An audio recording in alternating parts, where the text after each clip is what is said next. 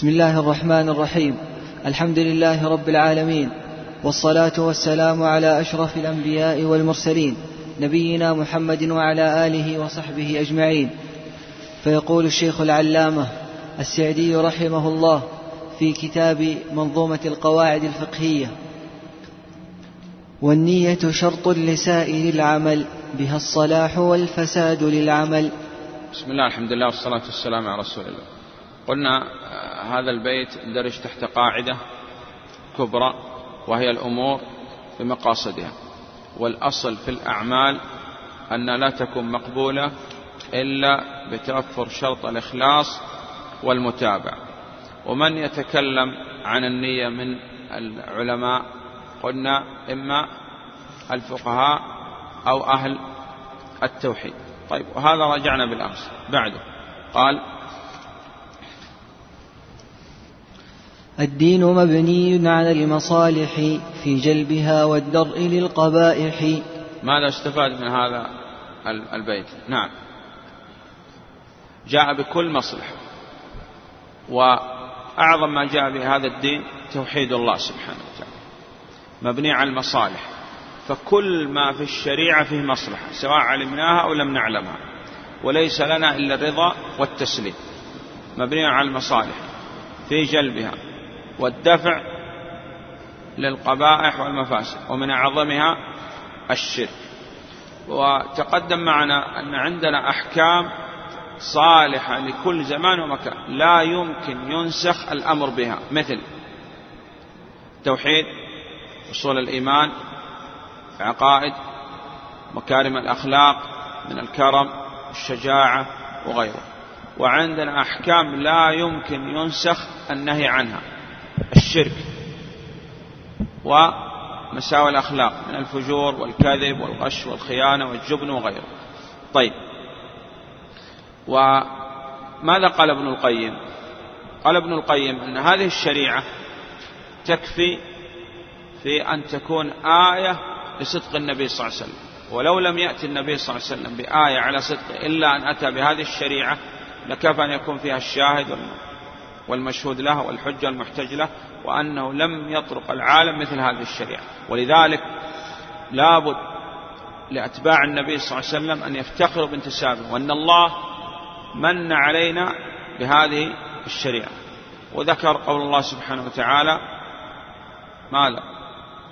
لقد من الله على المؤمنين. مفهوم؟ نعم. طيب. قال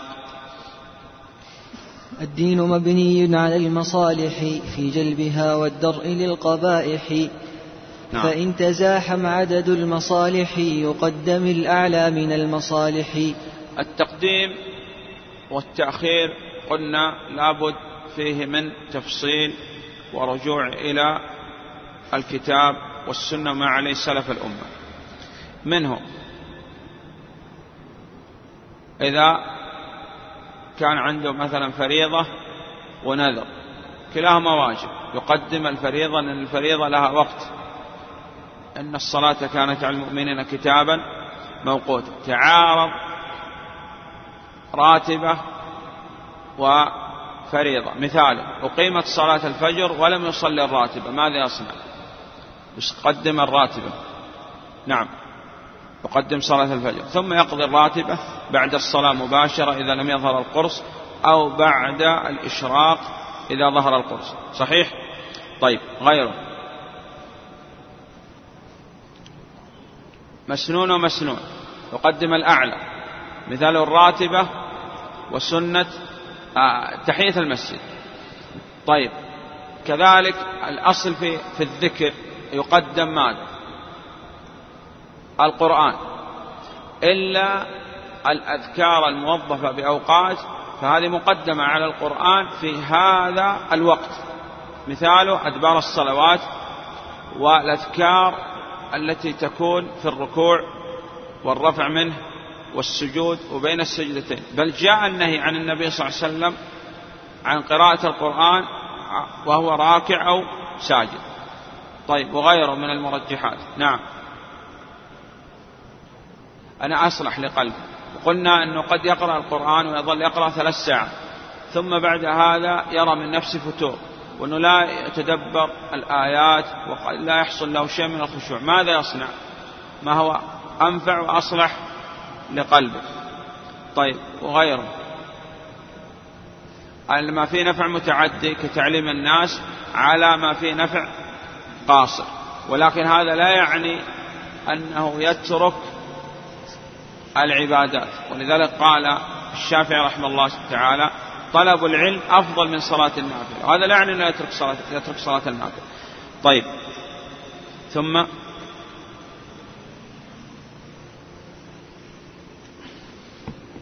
وضده تزاحم المفاسد يرتكب الأدنى من المفاسد. مثاله. محرم مع محرم. ماذا يصنع؟ يتركب على أدنى. مثاله. شرب خمر وشرب لحم. طيب رحم غماء حمار ولحم غنم. لكن ميتة. ميتة غنم وميتة حمار. يقدم ميتة الغنم. طيب. عنده لحم اشتبه عليه. هل هو مذبوح ذبح حلال أم لا. وعنده لحم يعرف أنه مذبوح ذبح ما ذبح خنق. أيهما يقدم؟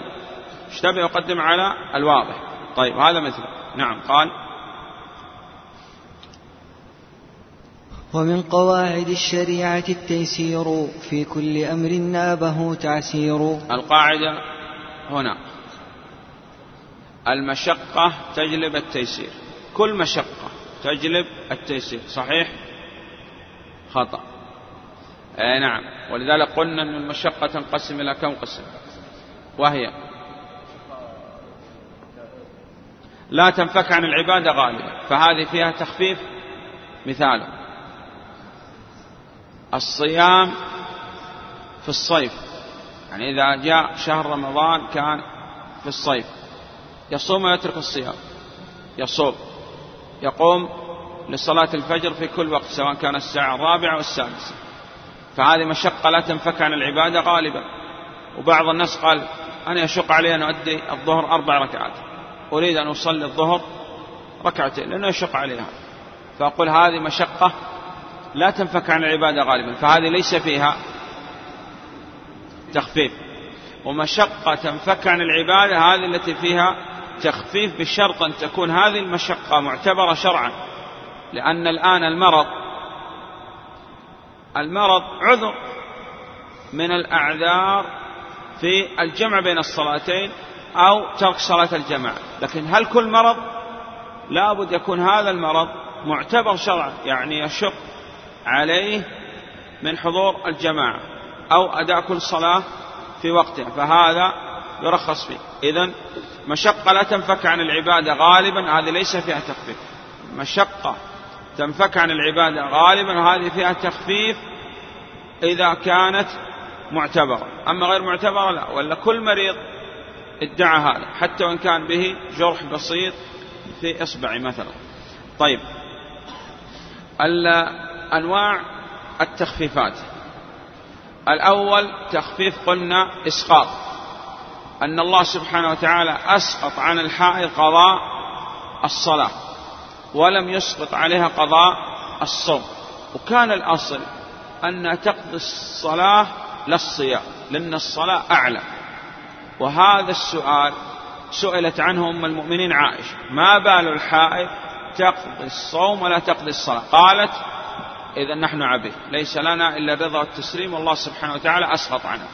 هذا من حيث الدليل من حيث التعليل أن الصلاة تتكرر والصيام يأتي مرة واحدة فقضاء الصلاة على الحائض يشق عليها لكن قضاء الصيام لا يشق عليه مفهوم؟ طيب. هذا أولا رخصة إسقاط. الثاني تخفيف. صحيح؟ خفف عن المسافر في قصر الرباعي وقصر. اعتبرها رخصة تخفيف أو قصر بدل أن يصلي أربع يصلي ركعتين فقط الرباعي وقلنا الضابط عندنا في قصر المسافر للصلاة نقول يقصر الرباعية والحمد لله. يعني الثنائية والثلاثية لا تقصر.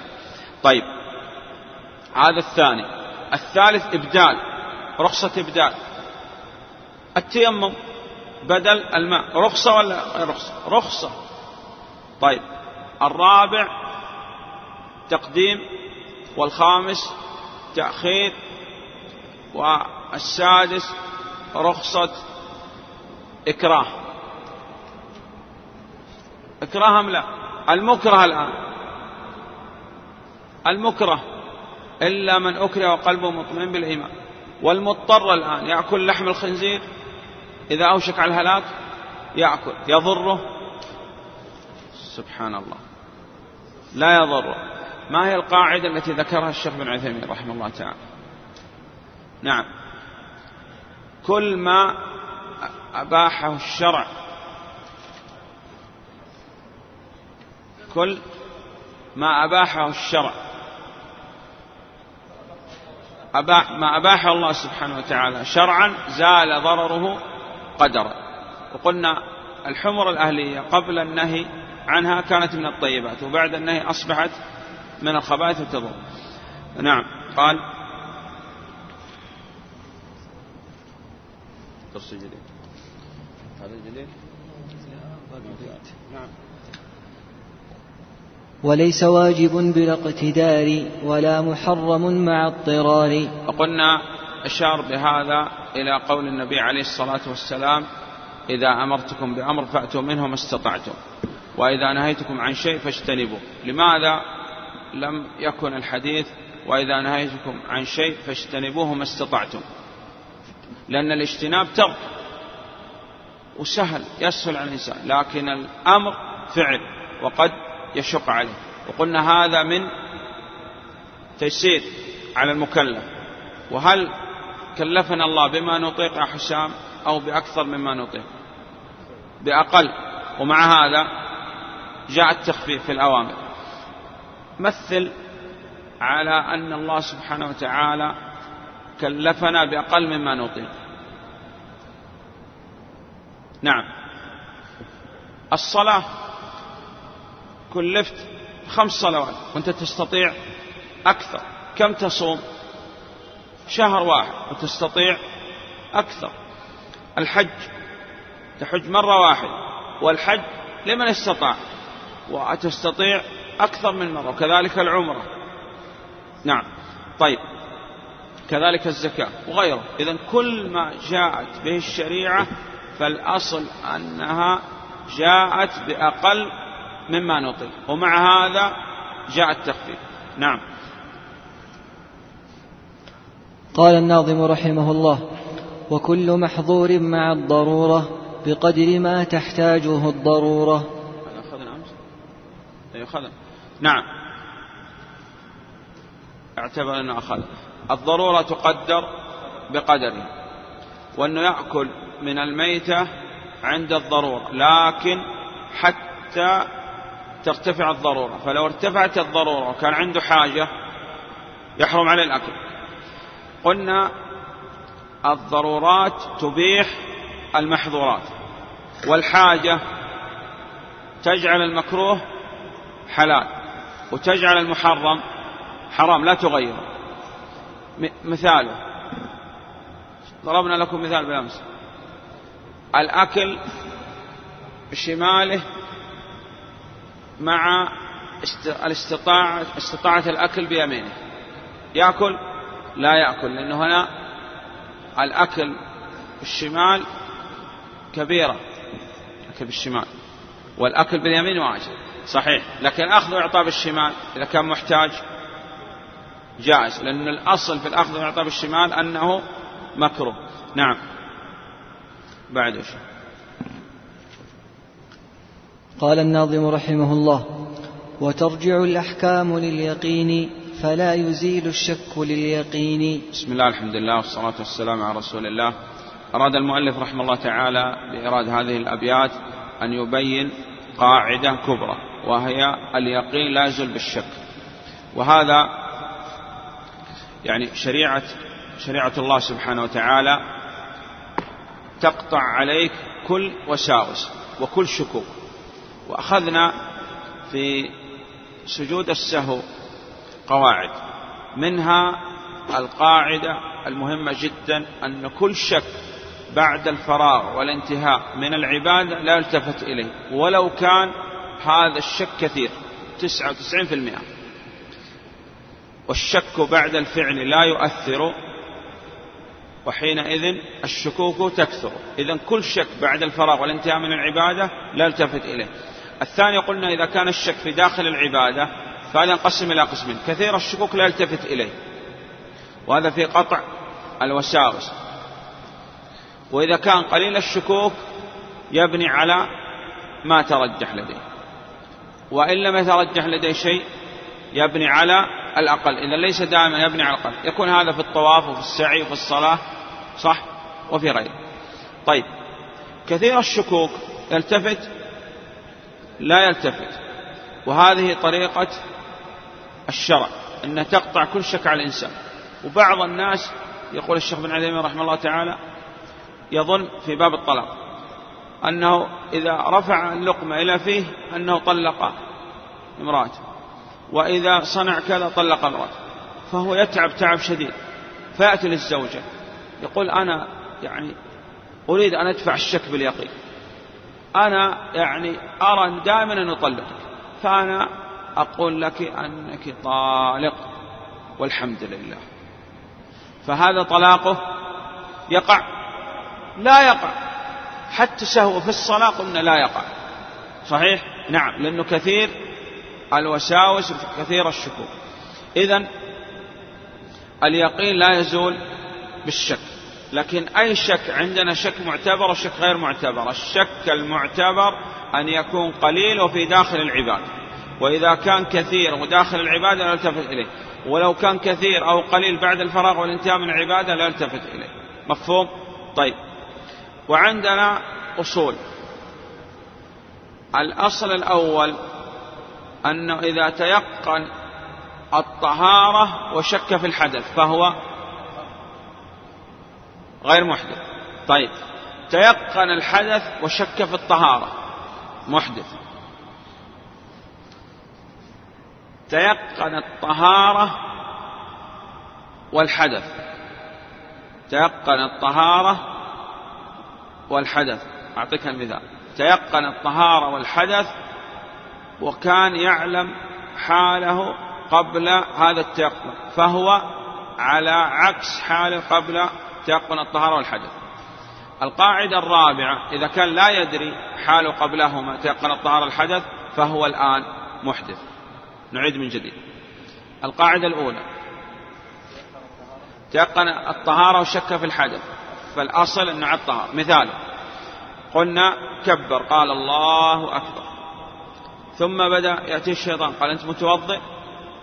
هو ما كبر تكبيرة الإحرام إلا وهو متيقن إذا ينصرف من الصلاة لا محرم عليه الانصراف. لأنه تيقن الطهارة وشك في الحدث فلا يلتفت إطلاقا إلى هذه الشكوك.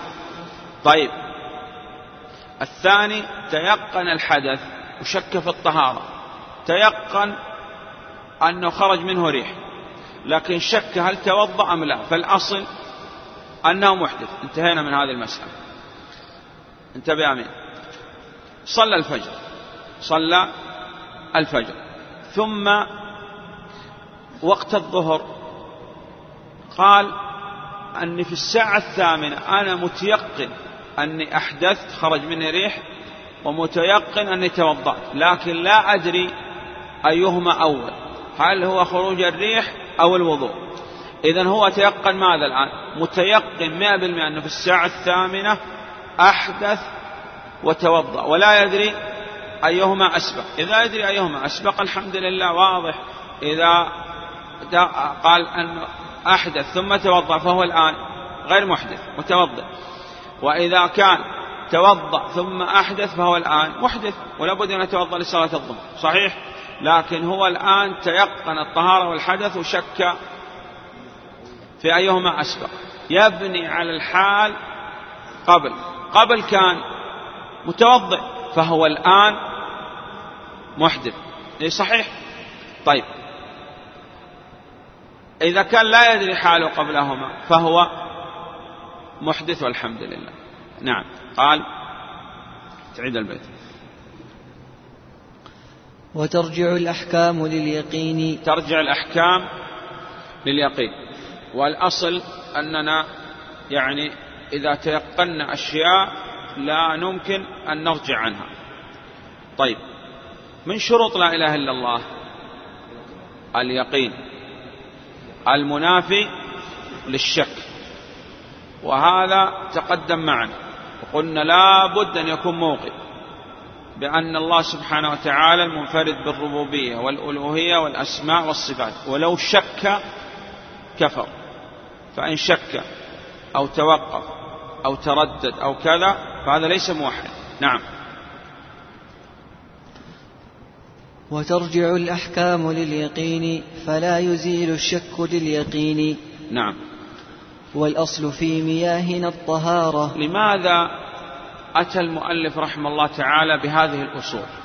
لأنه عندنا يقين وعندنا شك. فلا بد تبني على اليقين. ما هو اليقين؟ أراد أن يضرب لك أمثلة وأصول عند الفقهاء. وقلنا أن الفقهاء رحمهم الله يعني وهذا من أحسن ما يكون في التأليف أن في كل باب يذكر لك أصول حتى تبني عليها وحتى تعرف الشك من اليقين. نعم فناسب أن المؤلف رحمه الله تعالى يذكر أصول حتى تبني عليها لكن لم يستوعب كل الأصول ذكر بعض الأصول مفهوم؟ نعم. قال والأصل في مياهنا الطهارة. تقدم معنا أن الماء هو الأصل في الطهارة والتراب هو الفرع. فكل ما نزل من السماء أو نبع من الأرض أو أو مياه البحار والأنهار والغدران والبرك وما إلى ذلك. الأصل الطهارة. اختلفنا أنا والأخ إبراهيم في ماء فأنا أدعي الطهارة وهو يدعي النجاسة. الأصل مع من؟ معي. مفهوم؟ نعم. إلا إذا تغيرت أحد أوصاف الثلاثة بنجاسة تؤثر فيه انتقل عن الأصل. فإذا الأصل ما ينتقل عن الأصل إلا بيقين. نعم. إذا إذا اختلفنا فيما فالأصل فيه الطهارة. وعلى ما قسمنا وعلى ما رجح شيخ الإسلام وغيره أن الماء ينقسم إلى قسمين طهور ونجس. نعم. الأصل إذا في مياهنا الطهارة. نعم. والأصل في مياهنا الطهارة والأرض والثياب والحجارة. والأرض. جاء إنسان وأراد أن يصلي في هذه البقعة في صحراء في جبل في وادي في كهف في أي مكان على وجه الأرض فالأصل الطهارة. فجاء فيصل وقال لا ما يدرك لعل هذا المكان فيه نجاسة قد بال هنا إنسان أو شيء من هذا. نقول لا أنا على الأصل وأنت تدعي خلاف الأصل واليقين لا يزول بالشك وأنت شاك. ولا نلتفت إلى الشك طالما عندنا يقين. الأصل في الأرض الثاني الثياب. فلو جاء إنسان وقال لمصطفى قال هذا الثوب لعله من حرير نقول الأصل ماذا؟ أنه طهارة والحل وأنت تدعي خلاف هذا لابد تقيم الدليل. والحجارة كذلك الأحجار. والأحجار هل يمكن أن يتيمم على الحجر؟ نعم. طيب بعد. والأصل في الأبضاع واللحوم. لكن جاء معنا في كتاب الطهارة أنه لو كان عنده ثياب منها ثوب نجس. فماذا يصنع؟ قلنا يصنع على المذهب أن يصلي بقدر الثوب النجس ويزيد عليه واحد. مثاله ثلاثة ثياب. متيقن أنها نجسة يصلي أربع صلوات. لكن قلنا هذا الصحيح على خلاف هذا. والصحيح أن يتحرى في الثياب ويصلي. ولو اكتشف بعد الصلاة أنه صلى في الثوب النجس فالصلاة صحيحة لأن النبي صلى الله عليه وسلم صلى وكان في نعلي هذا. نعم. قال والأصل في الأبضاع واللحوم والنفس والأموال للمعصوم. تحريمها حتى يجيء الحل. فافهم هداك الله ما يمل. واحدة واحدة. والأصل في الأبضاع واللحوم. الأصل في الأبضاع. أنه لا يستطيع أن يطأ مرأة والأصل أن النساء سواء كانوا أحرار أو عبيد فهم حرام عليه. حتى إما عقد صحيح أو ملك يمين. مفهوم؟ طيب هذا الأصل في الأبضاع أنها محرمة. والثاني اللحوم. اللحوم قال إما أن اللحم هذا الذي يؤكل أو كل المسلم على المسلم حرام دمه وماله وعرضه ويصح الاثنين وطالما استطعنا أن نحمل على الاثنين يصح ولا إشكال صح؟ نعم. طيب فإن اختلفنا في لحم وهذا اللحم لا ندري أحلال أو حرام فالأصل فيه الحل أو التحريم. ما اختلف الفقهاء. ننظر. الآن مثلا عندنا لحوم في السعودية. فالأصل فيها أنها مذبوحة. لكن إبراهيم قدر الله سبحانه وتعالى عليه أنه كان في دولة أوروبية مثلا. ووجد لحم. الأصل فيه تحريم. لأنه الأصل أنهم لا يذبح طيب. إذا أتانا إنسان بلحم في السعودية جاء الشيخ عبد العزيز جزاه الله خير وجاء لنا بلحم. ولا ندري عبد العزيز ذكر اسم الله عليه أم لا فالأصل الحل. ونذكر اسم الله عليه ونأكل. قال إن أناس قالت رضي الله عنها إن أناس يأتوننا باللحم. قال سموا الله وكلوا. إذا الأصل هنا الحل أنه هذه كانت ذبيحة وذبيحة مسلم. مفهوم؟ نعم. طيب قال والنفس والأموال كل المسلم على المسلم حرام. أراد فيصل أن يقتل إبراهيم. فالأصل التحريم إلا لدليل. ولا يحل دم المسلم إلا بإحدى ثلاث الثيب الزاني والنفس بالنفس والتارك لدين المفارق للجماعة لكن ما يكون من الناس يكون من السلطان ولي الأمر. النفس والأموال. ولذلك درسنا كتاب البيوع. حتى تعرف أن الأصل في البيع وقلنا هذا الذي بنى عليه الإمام مالك رحمه الله تعالى المذهب أن الأصل في أن البيوع كلها جائزة. والأصل في الربا كل محرم بل كبيرة من كبائر الذنوب. صح؟ إلا بعض المسائل قلنا اختلف فيها الفقهاء فهذه ترجع إلى الترجيحات. والأموال اللي ما تستطيع أن تأخذ مال معصوم. والمعصوم من؟ المسلم خرج به الكافر. والمعاهد والذمي والمستأمن خرج من هؤلاء الأربعة واحد وهو الحربي. لكن الحربي لا يمكن أن كل واحد يتسلط على ماله ويأخذ المال كما يصنع بعض الناس هدانا الله إياهم. من؟ قال ومن يغلل يأتي بما غل يوم القيامة. الأصل أنه هذا حق لمن؟ حق عام للسلطان يرجع فيه للسلطان وعلى ما يقسم السلطان. واعلموا أن ما غنمتم من شيء. نعم. للمعصوم المعصوم أربع مسلم ومعاهد وذمي ومستأمن نعم. قال تحريمها فالأصل فيها التحريم. ونحن نتمسك بالأصل. فأراد إنسان في المسألة الأولى أن يبني على فلان مرأة من الناس. نقول الأصل التحريم. والأصل إذا كانت قد تزوج هذه المرأة وشك في طلاقها فالأصل بقاء العقد الزوجية لكن كل مرأة الأصل فيها التحريم حتى يأتي دليل على حل الوطن إما بالنكاح أو بملك اليمين. الأبضاع هذا ذكرنا واللحوم قلنا أيود أحدكم أن يأكل لحم أخيه فكرهتموه. إما غيبة أو اللحوم على ما ذكرنا التي تؤكل. والنفس والأموال للمعصوم. اللحوم عندنا ضابط سوف يأتي معنا. أنه نهى النبي صلى الله عليه وسلم عن كل ذي ناب من السباع وكل ذي مخلب من الطير.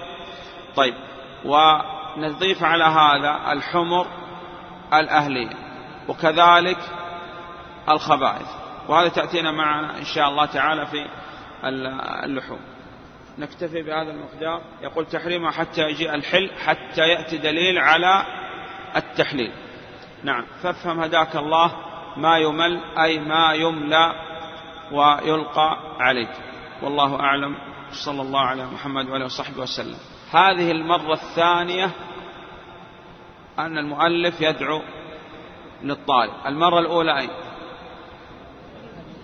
اعلم هديته وهذه المرة الثانية. نعم. والله أعلم.